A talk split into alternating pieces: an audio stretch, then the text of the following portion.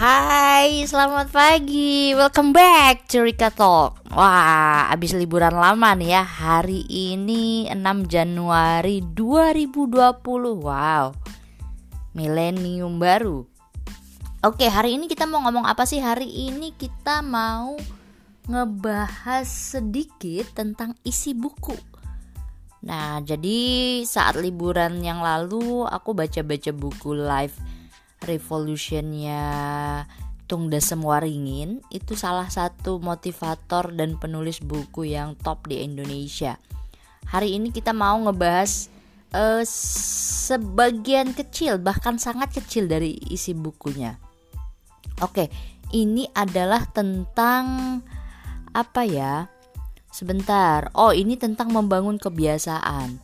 Nah, salah satu tips membangun kebiasaan untuk meningkatkan eh, apa ya performa performa diri kita salah satunya adalah teori dari Hal Elrod. Hal Elrod ini yang menga menulis buku The Miracle Morning, The Not So Obvious Secret Guaranteed to Transform. Kira-kira gitu ya. Maafkan bahasa Inggris saya yang agak-agak belepotan intinya kayak gitu intinya adalah hal-hal yang perlu kamu lakukan di pagi hari uh, untuk membantu kamu mencapai tujuan dan membantu kamu untuk mengubah hidup kamu. Oke, okay. ada enam aspek yang bisa disingkat jadi saver S A V E R S.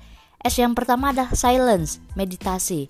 Nah, Elrod ini mengakui bahwa kita menjalani hidup yang serba cepat dan terus-menerus berisik. Menjadi silence atau diam dengan meditasi, bisa dengan berdoa atau bernafas dalam-dalam itu akan meningkatkan kesadaran diri, juga mengurangi stres. Oke, itu yang pertama. Yang kedua ada A untuk affirmation atau afirmasi.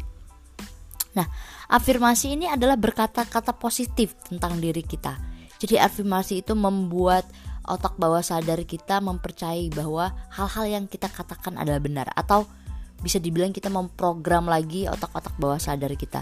Afirmasi afirmasi positif ini bisa berupa kata-kata positif yang kamu ucapkan diri ke dirimu sendiri. Misalnya, saya adalah arsitek e, bagi diri saya sendiri dan saya e, adalah uh, orang yang menyenangkan, orang yang penuh cinta, dan orang yang kreatif. Nah, itu adalah nilai-nilai yang kamu tanamkan ke dirimu sendiri. Berikutnya adalah V untuk visualization atau membayangkan. Oke, untuk orang-orang yang pernah membaca buku The Secret by Rhonda Byron mungkin udah nggak asing ya dengan teknik visualization ini. Itu adalah bagaimana kita membayangkan bahwa diri kita sudah mendapatkan hal yang kita inginkan atau menjadi tujuan kita. Yang berikutnya adalah exercise atau latihan. Oke, latihan ini bisa berupa olahraga. Ya, tentu. Ini yang dimaksud eh di sini olahraga ya. Terlepas dari berapa lama uh, Anda berolahraga atau jenis olahraga apa, uh, yang penting adalah olahraga itu membantu Anda mempertahankan tingkat energi sepanjang hari. Pernah nggak sih ngerasa kalau kamu nggak olahraga itu lemas banget. Tapi waktu kamu olahraga setelah olahraga kamu ma malah makin bersemangat. Nah itu perlu yang olahraga. Yang keti yang terakhir R R-nya itu adalah reading atau membaca. Ah no no no. Tidak terakhir ya. Ini yang kelima.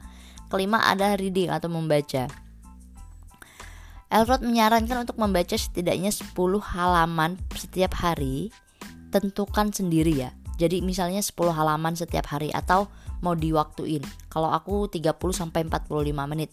Tergantung, kadang bisa lebih, kadang bisa kurang. Tapi eh, sekarang aku lagi belajar untuk mendisiplinkan diri untuk membaca. Jadi membaca itu bisa memberi kamu inspirasi uh, tentang bisa tentang tujuan yang sedang kamu raih atau bisa jadi juga untuk masalah-masalah yang kamu hadapi Intinya luangkan waktu untuk membaca. Jangan membaca di waktu luang, tapi luangkan waktu untuk membaca karena itu akan sangat berbeda. Kalau misalnya aku membaca di waktu luang, itu akan mudah terdistract. akan mudah teralihkan. Tapi kalau misalnya aku sengaja nih, oke, okay, aku punya waktu misalnya 2 jam, akan aku pakai 30 menit untuk membaca, aku pasang timer untuk baca. Jadi selama 30 menit itu aku nggak bisa diganggu apa pun, aku fokus membaca. Itu make time for reading.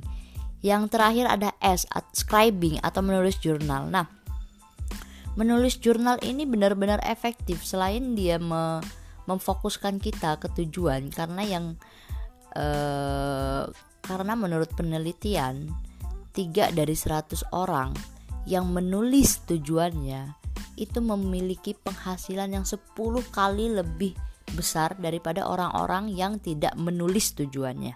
Nah, selain itu, menulis jurnal ini juga bisa membantu kita menghilangkan stres. Jadi kalau uh, kalau dulu zaman-zaman aku kecil, ya nggak terlalu kecil remaja gitu, itu ada yang namanya binder. Itu semacam diary yang bisa di uh, copot-copot gitu halamannya. Nah, itu salah satu bentuk uh, apa namanya uh, menulis jurnal. Jadi menulis jurnal ini selain kita bisa rilis stres juga bisa memberikan inspirasi inspirasi inspirasi baru buat kita. Oke, itu dulu ya uh, Recall Talk hari ini singkat aja karena sebenarnya aku lagi belajar juga ini cara nge-review buku inti-intinya aja. Jadi semoga bermanfaat dan selamat memulai hari aktif yang baru di 2020. Semoga hari kamu menyenangkan. Bye bye.